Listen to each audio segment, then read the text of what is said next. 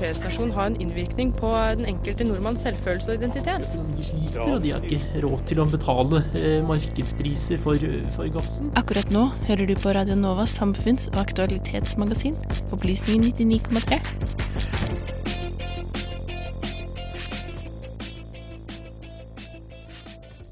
På 70-tallet fant man et av Norges største forekomster av kobber, og i februar i år ga regjeringen grønt lys for gruvevirksomhet i Kvalsund kommune.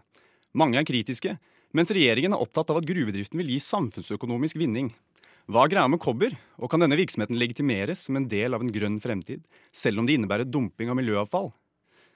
I 2019 har regjeringen innført strengere lover om skattlegging av tips i utelivsbransjen. Skaper dette bedre forhold for ansatte i bransjen, eller ødelegger det en viktig inntektskilde? juni 2016 stemte et flertall av briter for å forlate EU den 29. mars 2019. Med 28 dager igjen er det politisk kaos i landet. Hva slags brexit blir det til slutt? Kina er verdens mest folkerike land, og siden 1978 har over fem millioner kinesere studert i utlandet. Hva synes kinesiske studenter om Norge, og hvorfor kommer de hit? Visste du at som norsk statsborger må du betale nesten 200 000 kroner mer for en treårig bachelorgrad enn det studenter får? Det er et land som på en måte er eh, stadig i konflikt, og som har vært igjennom eh, mye konflikt. Markedsføringen av Norge som en fredsnasjon har en innvirkning på den enkelte nordmanns selvfølelse og identitet? De sliter, og de har ikke råd til å betale eh, markedspriser for, for gassen. Radio Novas samfunnsprogram Opplysningen 99,3 hver fredag mellom 10 og 11.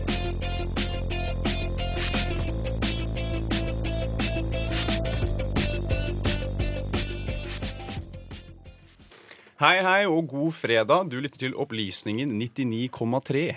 Mitt navn er Magnus Lomax Bjerke, og med meg i studio så har jeg Sander Georg Lia Zakarias. God morgen. La jeg på en S på navnet ditt nå? Ja, nå la du på en S på Ja, navnet. Mr. Zakaria. Ja. Det er Karl med det kuleste navnet i eh, opplysningen. I dagens sending har vi veldig mye interessant å, å snakke om. Vi skal åpne med et intervju om gruvedriften i Kvalsund. Um, og så skal vi prøve oss på litt spenstig uh, telefonintervju. Stemmer det, Sander? Det stemmer, det kan bli veldig spennende. Ja, det, jeg mener Vi er jo tekniske genier, men det, det skal vi få til. Det er i hvert fall brexit som er tema. Og alle som følger med på britisk politikk, som jeg gjør, som har uh, en britisk mor, er veldig interessert i hva som uh, skjer nå i ukene framover. Og så, Jeg vet ikke om det er noen som er, jobber i utelivsbransjen der ute, men det er veldig mye snakk om skattlegging av tips. Og da skal vi få inn eh, en av karene ansvarlig for Facebook-gruppen Nei til skattlegging av tips, og snakke med dem før til slutt. Vi snakker om kinesiske studenter i Oslo. Og vi vil også bare kanskje si eh, god bedring til våre kolleger eh, Anna og Josefine, som har vært eh, veldig syke i siste liten, og derfor har gitt Sander og meg muligheten til å kaste oss ut i studio. Vi er veldig fornøyd i hvert fall. Ja, Det er en sånn grei pose med godt og blanda vi har foran oss i dag. Så det blir veldig spennende å se hva som hva, har hva vi får diskutert og snakka om i dag. Alle er i gode hender. Men da kjører vi i gang. Eh, Den 14. februar i år ble det bestemt at regjeringen gir tillatelse til gruveselskapet Nussir ASA å etablere og drive kobberutvinning i Kvalsund kommune i Finnmark. Begrunnelsen er bl.a. samfunnsøkonomiske. Det, dette er virksomhet som bl.a. vil gi arbeidsplasser, og sier at kobber er et mineral som inngår i det grønne skiftet. Så hva er det med kobber, og vil dette faktisk kunne bli en del av en grønn retning? I studio har vi med oss Ole Martin Løvik, seniorforsker ved Sintef ved Avdeling for bærekraftig energiteknologi. Velkommen til deg, Ole Martin. Tusen takk for det. Eh, først, hva er bruksområdene til kobber, og hva er det som er så spesielt med dette metallet? Kobber er jo et av de vanligste metallene som vi har rundt oss, og det brukes til eh, veldig mange forskjellige ting. Eh, Det brukes eh, særlig til å frakte elektroner i elektriske ledninger. Så vi er helt avhengig av det for, for alt som har med elektrisitet å gjøre. Og når vi vet at det grønne skiftet har mye med elektriske biler og mye nye elektriske ting å gjøre, så, så skjønner vi kanskje med en gang at det, det betyr at kobber blir viktigere og viktigere eh, i de dingsene som vi omgir oss med, inkludert biler f.eks., som har vært eh, ganske, ganske i vinden her, da. Så man snakker mye om biler. Ja, Så vil du si at eh, f.eks. kobberpriser kan ha en stor effekt på hvor gunstig det er å bytte til eh, elbiler, f.eks.? Inntil videre så er kobber relativt billig. Det koster vel røftlig 50 kroner kiloen uh, hvis du kjøper det på spotmarkedet. Så det, det er ikke noe problem å få kjøpt kobber nok til en, uh, til en, en bil. En, en typisk elbil i dag inneholder sånn røftlig 80 kilo kobber. Sånn det er ikke det som er dyrt, den dyre delen av bilen. Eh, det man frykter, er at man går tom for kobber. Altså at man eh, får for lite til å fylle alle bilene og alle laderne og alle de elektriske lastebilene og alt sånt som skal komme. Som man, man, ser for seg skal komme. Og da har man gjort beregninger og man har gjort eh, en del sånne analyser. Man ser for seg at at den andelen av kobber som, som, brukes til elbiler, skal øke fra i dag godt under 1 til kanskje halvparten om noen år. Og om det er 20 år eller 30 år, det veit vi ikke. Mm. Men det er jo interessant å, å, å, å gå de der tallene etter i sømmene. fordi hvis vi vet at en eh, vanlig bil eh, bruker sånn røftlig ja, 20-30 kilo kobber, la oss si 20, så betyr det at for å bytte ut en vanlig bil med en elbil, så trenger du 60 ekstra kilo kobber. Mm. Og hvis du skal bytte ut eh, alle bilene i verden, da, som er drøyt en milliard biler, så trenger du 60 milliarder kilo kobber. Rett og slett. Og det er, det er altså 60 millioner tonn.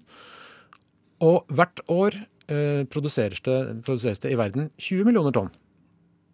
Mm. Så det vil si at hvis du skal eh, produsere dette over la oss si, 30 år, da, bruke 30 år på, på, å bytte ut alle bilene i verden, så er det 2 millioner tonn i året. Det vil si, det vil si en tiendedel av verdensproduksjonen. Så det er mye, men det er ikke umulig. Nei. Så, ja, så, så det, er, eh, det, er, de tallene her man opererer med, det er det, det som gjør at man er bekymra. Eh, men jeg tenker at, at, dette gir oss perspektiv på hva vi, må, hva vi, må, få til.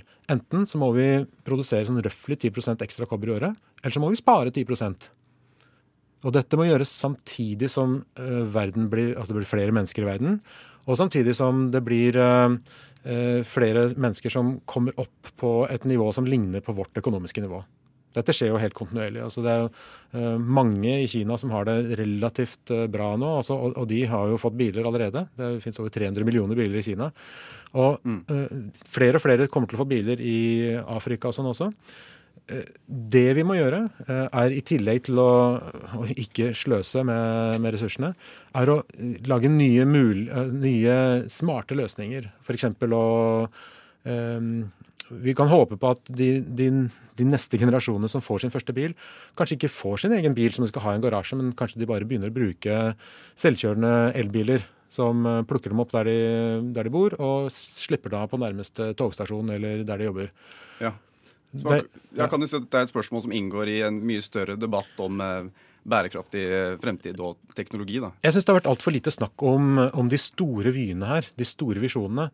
Verden er på vei mot, Noen sier at verden er på vei mot gapet, eh, mot et stup. Men uh, vi er faktisk ikke det. Verden er på vei mot uh, en mye mer normal tilstand, hvor, slutt, hvor det slutter å bli flere og flere mennesker på jorda. Eh, toppen på eh, befolkningsveksten kom på 1980-tallet. Det er jo ganske få som er klar over det. Altså, befolkningsveksten blir, blir, mindre og mindre, og den går mot null. Eh, når vi blir en, en, stabil mengde mennesker, eller kanskje til og med menneskene blir færre og færre ut på, ut, utover 2000-tallet, så skal det ikke være sånn at vi trenger flere og flere gruver for å dekke behovet til flere og flere mennesker. Kanskje vi skal istedenfor forsøke å bruke det som vi har tatt opp av jorda, på en mye mer fornuftig måte, og i hvert fall ikke slenge det på dynga. Så vi må rett og slett ta hånd om alt eh, kobberet, og dette gjelder ikke bare kobber, det gjelder alle de mineralene og de metallene som vi omgir oss med. Må vi ta vare på det, vi må ta vare på dem, og må, vi må lage dingser som varer mye lenger, og vi må lage dingser som er mye lettere å resirkulere. Altså Hvis du har en telefon som til slutt har gått i stykker etter at du har bytta la oss si, høyttaler fem ganger og batteri ti ganger osv. Altså, dette må være modulært. Når den til slutt går i stykker, vel, da skal du levere den til en, til en sentral som bare svupp, svupp, svupp, tar tingene fra hverandre, og så er det nesten bare å putte inn i en fabrikk og, så, og, og resirkulere. Det må vi gjøre. Eh, det, vet du hva, det sier jeg meg helt enig i. Jeg tror du finner veldig mange som lytter som er helt enig. Men for å komme tilbake til dette um, spesifikke um, temaet oppe i nord, da, i Kvalsund kommune, så er det mye kontrovers eh, i lokalområdet om at denne kobberutvinningen skal dumpe mye, mye avfall i, i Reppafjorden, er det vel, som er et, en fjord med mye mye laks, og de er redd for hva det skal gjøre med, med laksestanden, og hva slags effekt dette skal ha på lokalmiljøet. da. Ehm, så hvordan ser du hva skal jeg si, sammenhengen mellom, eh, de eh, bekymringene som lokalsamfunnet har, og, og kanskje behovet for, eh, for kobber ellers. Ja, Nå er ikke jeg verken ekspert på laks eller fjorder, jeg er materialfysiker. Så, så, så, den politiske delen av det skal jeg la ligge. Men øh, så, så, perspektivet mitt er det som jeg, som jeg, akkurat nevnte, at vi må Jeg tror at vi må først og fremst forsøke å finne smarte løsninger. Mm. Og så må vi øh, selvfølgelig drive med gruvedrift fremdeles en, en, stund til, mens vi fortsatt blir flere mennesker, og mens vi fortsatt hever flere mennesker opp til et høyere eh, velstandsnivå. Men vi må forsøke å, å, finne løsninger som gjør at vi kanskje ikke trenger så mange nye gruver eh, til slutt. Og eh, For å være litt politisk da, så kan man si at, at det å åpne en ny, ny, gruve, det betyr at det blir mer kobber på markedet. Det å ikke åpne ny gruve betyr at da kan det bli eh, litt manko på kobber. Det vil si at kanskje prisen stiger. Det vil si at da blir det kanskje et større insentiv for å spare og resirkulere. Det er ikke nødvendigvis sånn at uh, vi, hvis vi lar være, så er det bare noen andre som lager en ny, enda verre gruve. Uh, det er faktisk sånn at uh, man driver med gruvedrift veldig profesjonelt og veldig bra mange andre steder i verden. De alternative gruvene i verden i dag er i Sør-Amerika, i USA, i Mexico og, og Kina. Og, sånn at eh, det, det, er ikke nødvendigvis sånn at det er en katastrofe å la være å åpne en ny kobbergruve i, i Nord-Norge. Mm.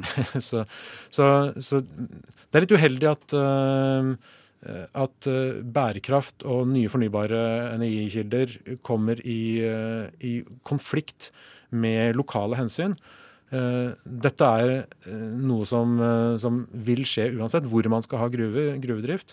Men vi må forsøke å, å redusere den, eh, den, problematikken ved å eh, forsøke å redusere behovet for, for, nye gruver generelt. Det er mi, mitt ja. standpunkt. Um, så for å stille spørsmål som er kanskje mer retta mot din kompetanse. Uh, kan du si noe om hva slags effekt uh, det kan ha på miljøet å dumpe akkurat avfall fra en, en kobbergruve i f.eks. fjorder? For ifølge The Independent så er Norge en av en, kun fem land i verden som lar sånne selskaper dumpe rett inn i havet. Så hva slags eh, effekt kan det ha? Det er en del uh, marint liv som ikke tåler kobber, uh, sånn at dette er en uh, miljøgift. sånn sett. hvis jeg skal forholde meg til det som er blitt sagt om utslippstillatelse og sånn, så er det stort sett rent fjell, altså knust fjell, som skal dumpes i den sjøen. Det skal være relativt lite kobber eh, der, og utslippet av kobber er noen titalls kilo i året. Og det er visstnok mindre enn det som allerede slippes ut gjennom, uh, gjennom elva som, som, renner ut i den samme fjorden. Så bare, bare for å si det om igjen, Du sier at faktisk kobberet som skal bli dumpa, er kun noen titalls kilo i året? Det kommer til å være store mengder kobber, men, men det som, fri, som, som, kommer til å bli oppløst som kobberjoner i vannet, og som er farlig, det kommer til å bli noen titalls kilo. Mm. Sånn at øh, det, det, er ikke snakk om å dumpe gift i havet som så bare svever rundt, og som, som dreper alt uh, liv. Uh, det, Problemet med dette her tror jeg først og fremst kommer til å være svevende partikler, sånn mikrometer store støvpartikler. For, det, for, å, for til gruvedrift så må man liksom pulverisere steinen for å separere det med mye kobber fra det med lite eller ingenting kobber. Sånn at det som er der, kommer til å være ganske rein stein med lite kobber. Eh, litt nikkel og noen andre metaller, men eh, ikke så mye at, at det er eh, metallinnholdet som kommer til å være giftig, som er, som er problemet. Mm. Ola Martin Løvik, eh, tusen hjertelig takk skal du ha for at du hjalp oss med å se til et eh, kanskje et større perspektiv. Um, og hjertelig takk for at du kom på Opplysningen. Takk skal du ha.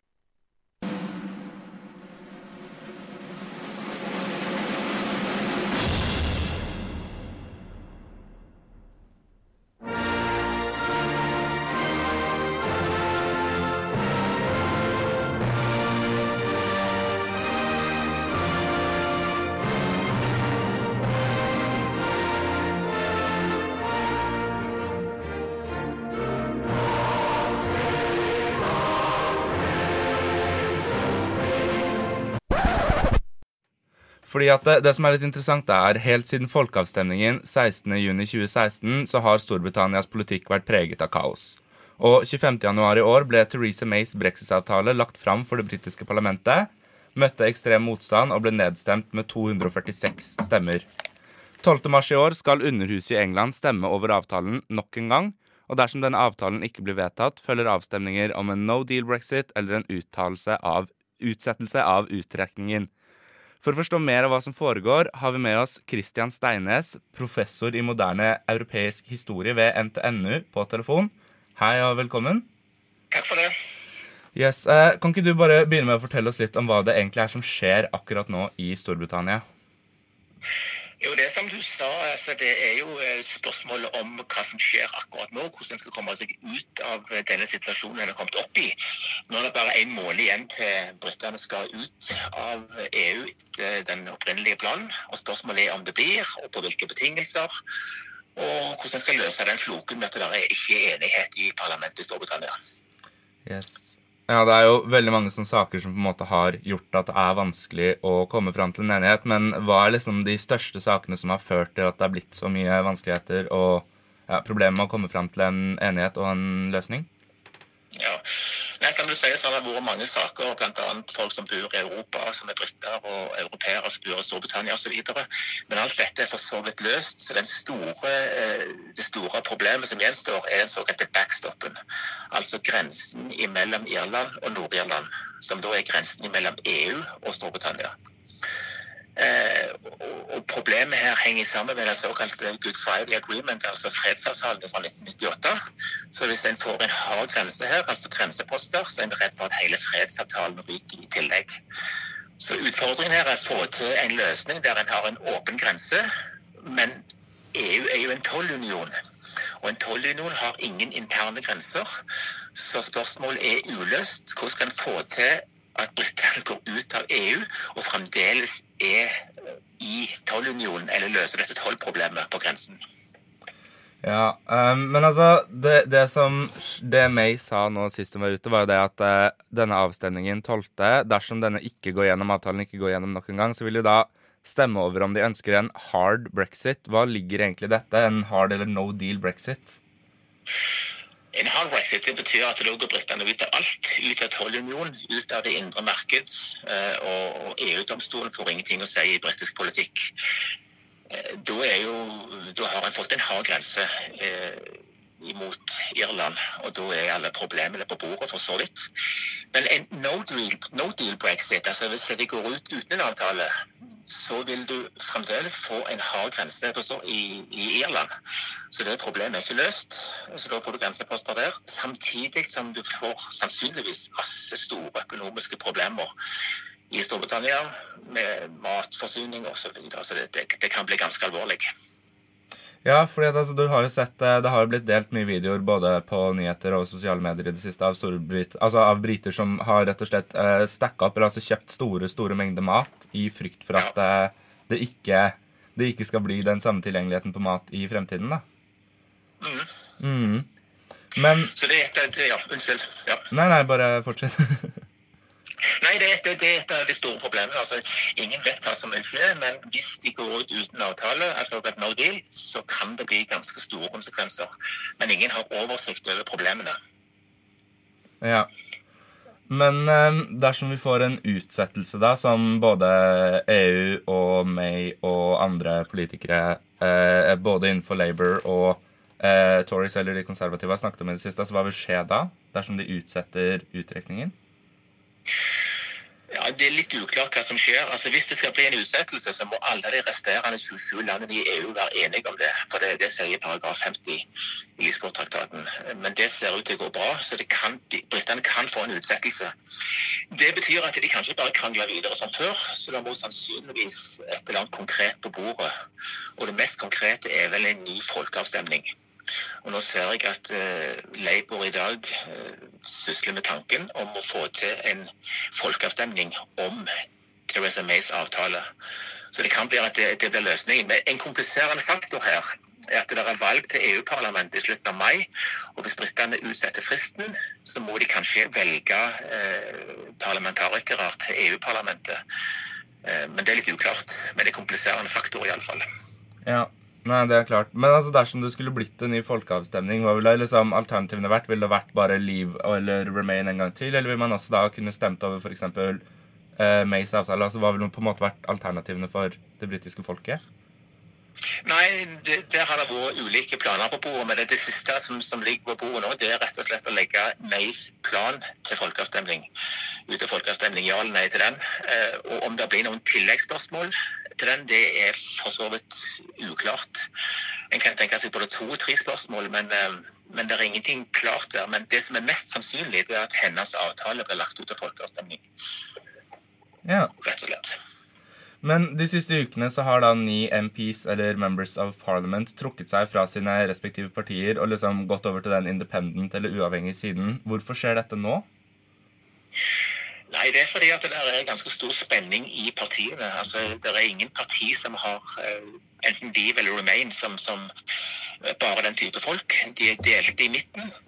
Eh, og mange oppfatter både de som vil ut og de som vil bli, som ekstreme. og Derfor er de mest moderate nå liksom usikre på hva de vil gjøre, og har, og har meldt seg ut og, og, og danner en slags sentrumsblokk med en sånn myk brexit som, som plan. Mm. Eh, hva tror du vil skje fremover med utarbeidelsen av den avtalen? Ja, jeg har eh, lenge sagt at jeg tror det blir punkt nummer én utsettelse av fristen. Så dette blir for kort frist til å få gjort noe. Her var det bare litt eh, tekniske problemer. At vi ble oppringt eh, på samme telefon midt i eh, samtalen. Men vi er straks tilbake på linja igjen. Nei, eh, da ser det ikke ut som om vi får eh, kontakt med eh, med Christian Steines fra NTNU, som vel eh, Ja, det er jo utrolig kjipt, det. Men eh, jeg håper i hvert fall at vi fikk lært litt eh, mer om hva som skjedde. Og så kan jo for så vidt tekniske problemer skje hele tida. tusen takk til Christian for at han kunne svare på disse spørsmålene for oss. Har en innvirkning på den enkelte nordmanns selvfølelse og identitet.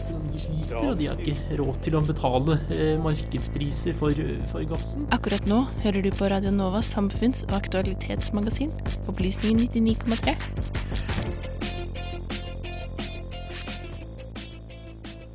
Vi er tilbake igjen i studio. Jeg vil ønske velkommen til eh, Julia Biernat. Hei. Sa jeg etternavnet ditt riktig? Biernat. Biernat. Ja. Julia Biernat, som er en nytt medlem i Opplysningen 99,3. Takk skal du ha.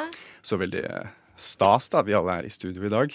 ja. Eh, men da gir jeg rett og slett bare mikken over til deg, Julia. Ja, neimen uh, Vi skal snakke om skattlegging av tips, så Frem til nå har ansatte vært selv pliktige til å innberette tips som skattebart. Men siden 1.1 har regjeringen endret loven. Arbeidsgivere må innrapportere, foreta forskuddstrekk og betale arbeidsgiveravgift på all tips som mottas av ansatte. Mange har også sluttet som servitører pga. tipsene er en veldig stor del av deres lønn. Dette har rammet både arbeidsgivere og arbeidere i servicebransjen, f.eks. vår gjest Øyvind Tue. Som er både barsjef og administrator av den velkjente Facebook-siden Si nei til skattlegging av tips. Velkommen til deg, Øyvind. Takk for det. Jeg tenkte vi kunne starte ganske enkelt. Jeg lurer på, Hva tenker du om den nye loven mot skattlegging av tips? Altså, eh, eh, Skatt på tips har jo, vært, eh, har jo vært til stede lenge. Men eh, mm. det som er nytt nå, det er jo det at man har eh, valgt å pålegge rapporteringskravet til arbeidsgivere. Eh, og det, det, har jo slått veldig kraftig ut. vi får jo veldig mye henvendelser både fra arbeidsgivere og fra arbeidstakere som er frustrerte over hvordan denne endringen påvirker de. Og det er jo sånn som du sier, det er først og fremst uh, arbeidstakere som opplever at de uh, går veldig kraftig ned i, i, uh, i inntekt fordi at tipsen blir skattlagt. Og så er det arbeidsgivere som er veldig frustrerte over at de må behandle Eh, tipsen. Og, og, eh, det er store spørsmål knyttet til dette med om det er arbeidsgiveren eller om det er arbeidstakeren som skal betale de økte sosiale kostnadene som, som følger.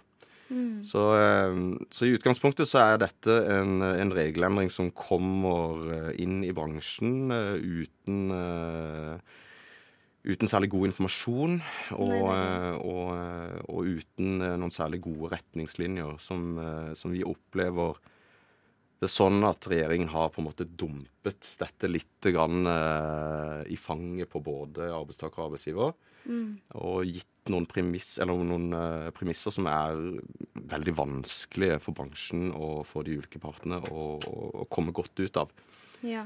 Eh, Men har det ramma både deg og arbeiderne dine, da?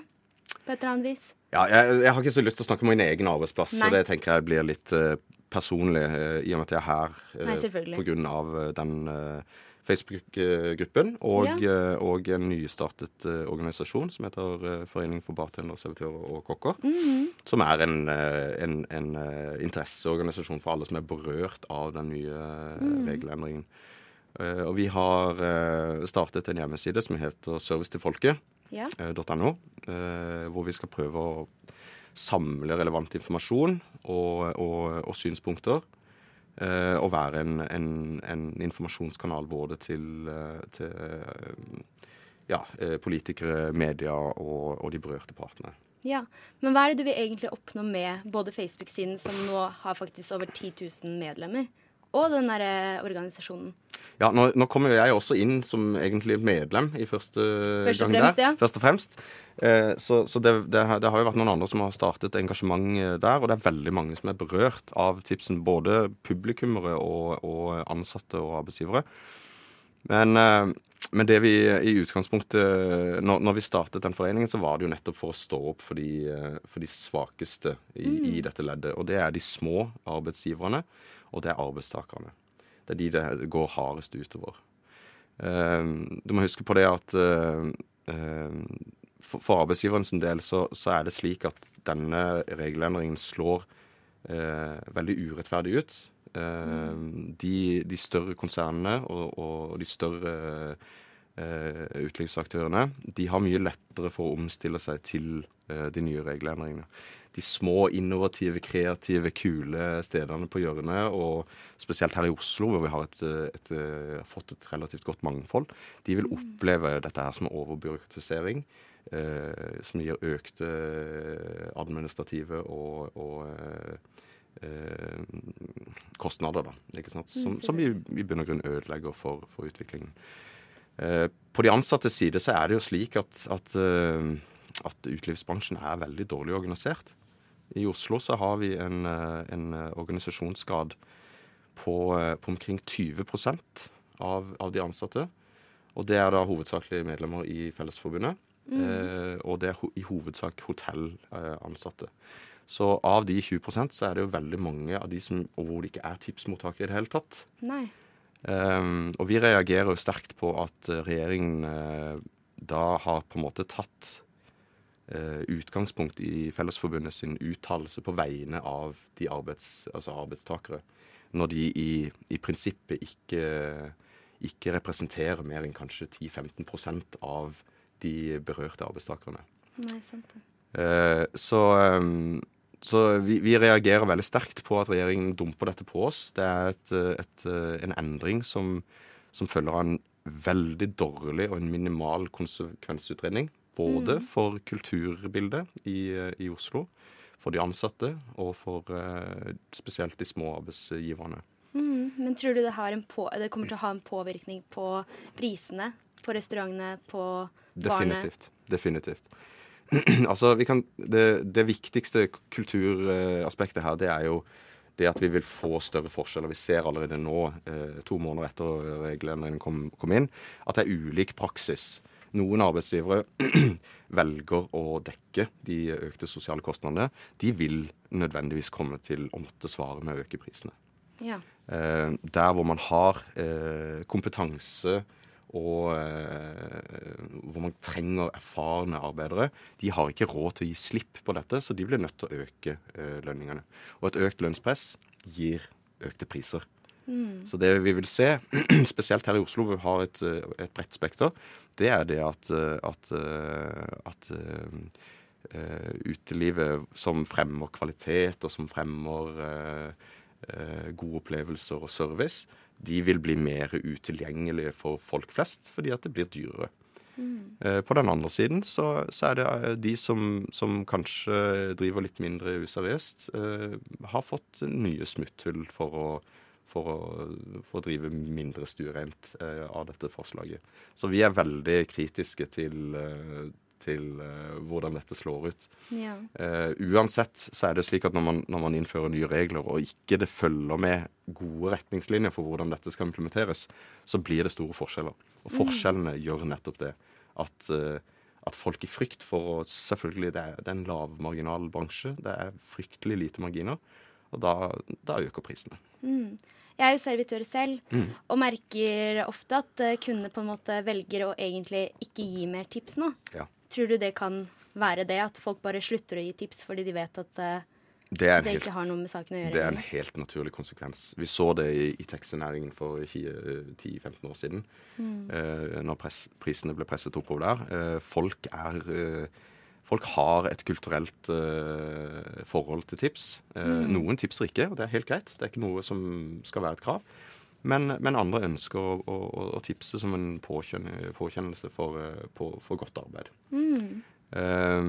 og det, det, det er jo selvfølgelig Altså, tips er jo jeg, jeg, forstår på en måte regjeringens utgangspunkt med at, at dette er uregulert, og man er redd for at det holder pris, eller lønnsnivået nede, og at tips ikke skal fungere som, en, som et slags uh, substitutt til gode lønnsvilkår. Det er vi helt enig i. Mm. Men, uh, men, måten dette gjennomføres på, er stikk i strid mot, uh, mot de aktørene i bransjen som vet hva de snakker om. Mm. Både på arbeidsgiver- og arbeidstakers side.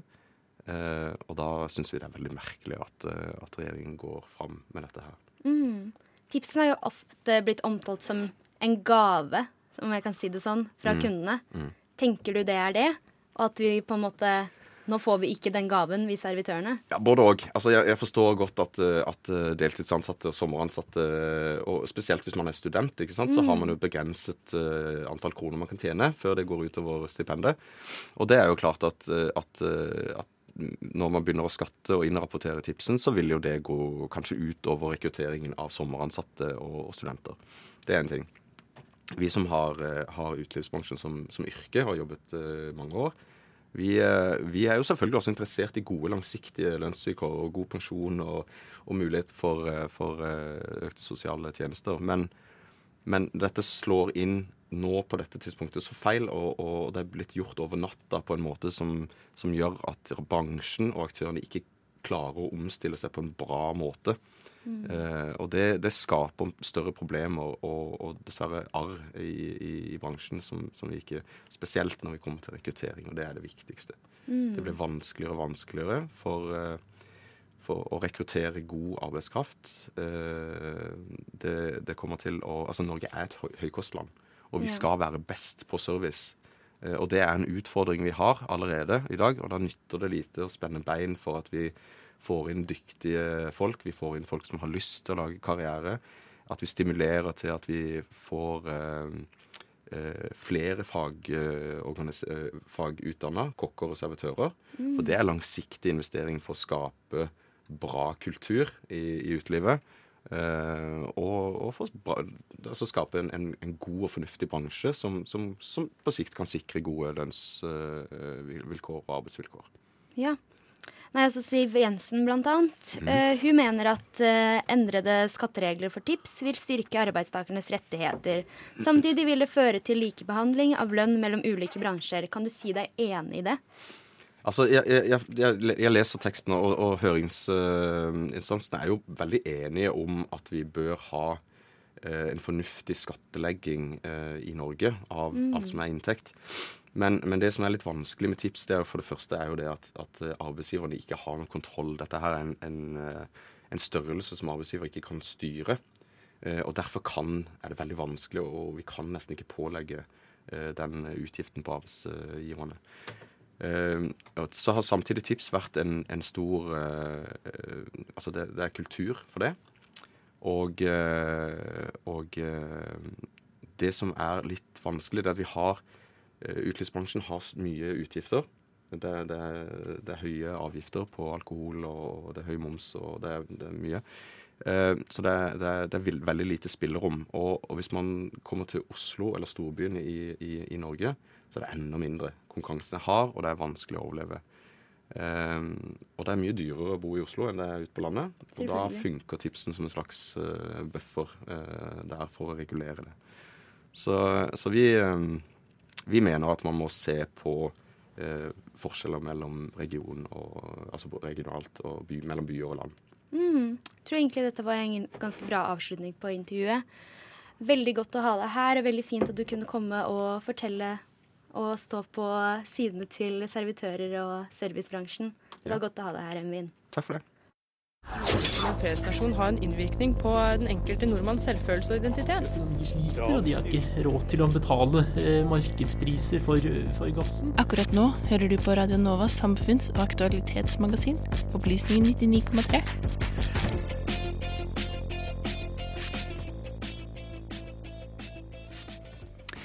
Eh, Siden eh, 1978 så har fem millioner kinesiske, kinesiske studenter studert i utlandet.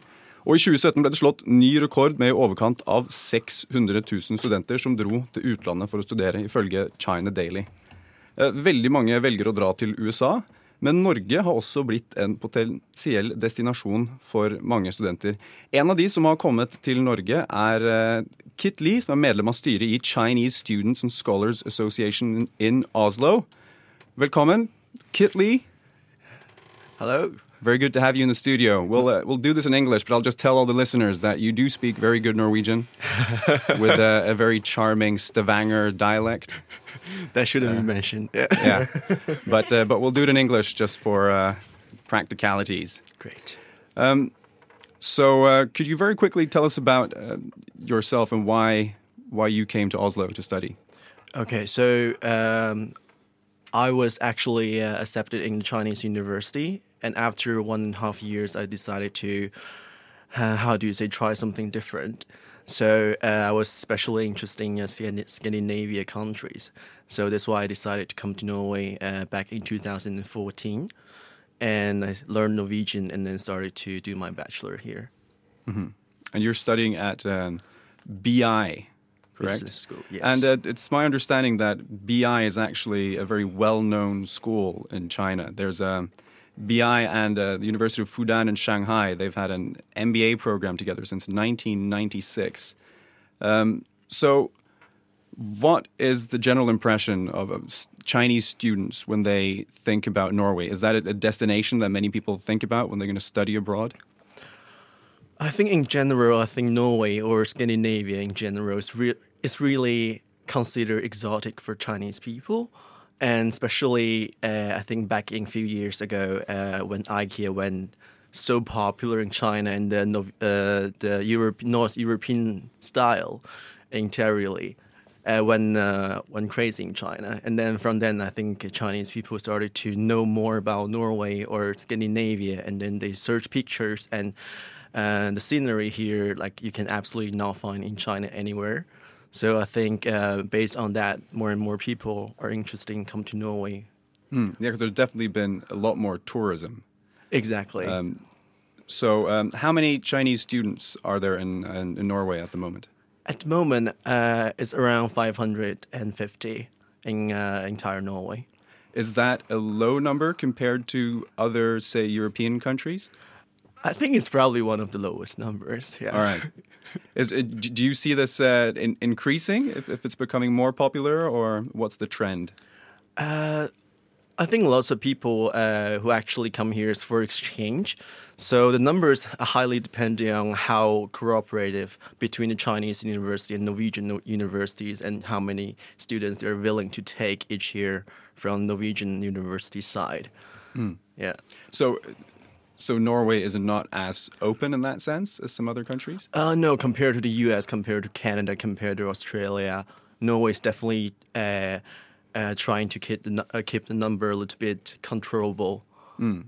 Yeah. Do, do you think that has something to do with uh, but because Chinese students don't have to pay any fees in Norway? Is that correct? Uh, yeah, anywhere but VI.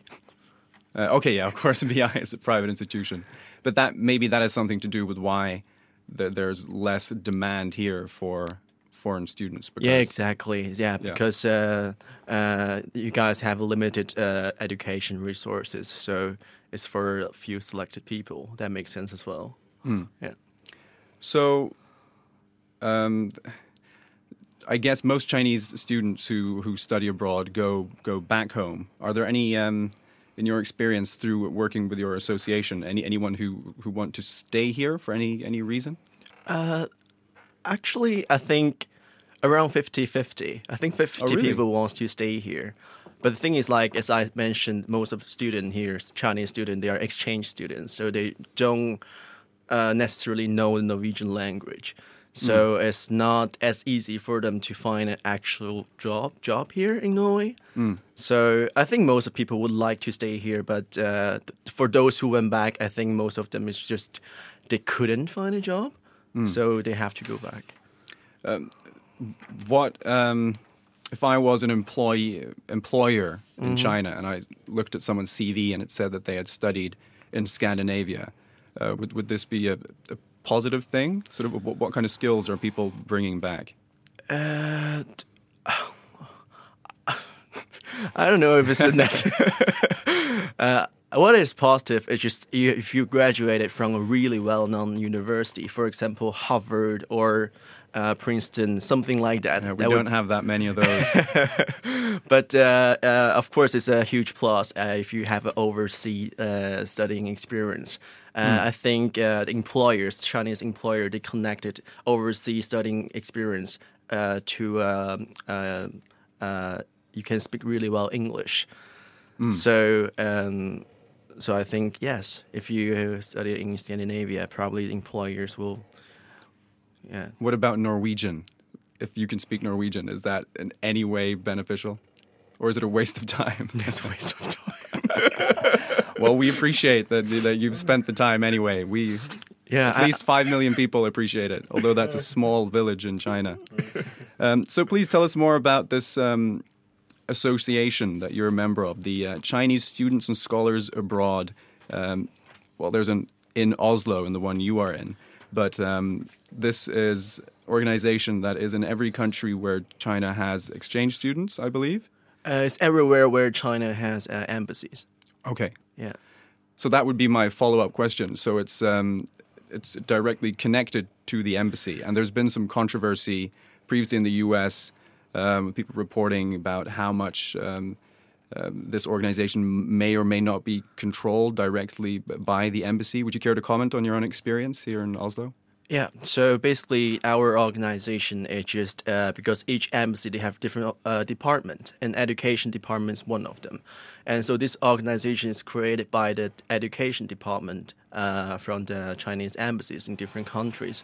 So our intention of this organization is just to keep and over the Chinese students uh, in overseas have really how do you say welcoming uh, environment. So um, so basically, what we do is like each um, uh, each September we will have a welcoming um, speech for all the new Chinese students and kind of create create a platform. Uh, for all the Chinese students here in Oslo, so can so they can somehow connect it with the new and old students who have been here studying. Um, I'm not necessarily uh, encouraging people only hang out with Chinese students between each other, but for those who have the needs, we would just like offering them uh, options. So um, for any sort of help in uh, uh, and say, things like that. Because for many students, is this the first time they will have uh, gone to a different country than China? Exactly. Yeah, Yeah. that would definitely be the first time. So do you experience that that it does become slightly um, isolated? That a lot of Chinese students will usually hang together and don't necessarily get that many friends from the uh, uh, the country they're studying in or from other with other exchange students. Yeah, I think that's that's what is happening here, but also depending a lot on a personality. So, um, for my understanding, is if once you go to another country, especially if you had nev- never been aboard before, you have to get comfortable first, Mm. and then you will start to explore different things. So, I think most of Chinese students they come here, they will uh, they will go to the first stages to know like other Chinese students to make them feel comfortable first in a foreign country, and after that maybe go to the second stage to um, to know more like uh, Norwegian or international people. So, do you have any tips to uh, finally rounding off 10 second uh, tips to uh, Norwegian students who want to uh, get more uh, in touch with the, with Chinese in Norway? Uh, just uh, come to our website and say you want to know more Chinese student, and we can arrange for that. All right, great. Well, uh, Kit Lee, thank you very much for taking the time and joining us. Thank you for inviting me here. Så det var alt vi hadde i dag på Opplysningen 99,3. Mitt navn var Magnus Lomax Bjerke, og medvirkende i sendingen har vært Sander Georg Lia Zakaria, Julia Bjernat og Marie Kruse Lien, og vår alles uh, savior Annika Bogen på teknikk. Og til slutt takk til våre gjester Øyvind Tue, Ole Martin Løvik, Kristian Steinnes og Kit Lee. Husk å se på våre, høre på våre podcasts online. Og følg oss på sosiale medier, og så ses vi neste fredag på Opplysningen 99,3. Ha det bra.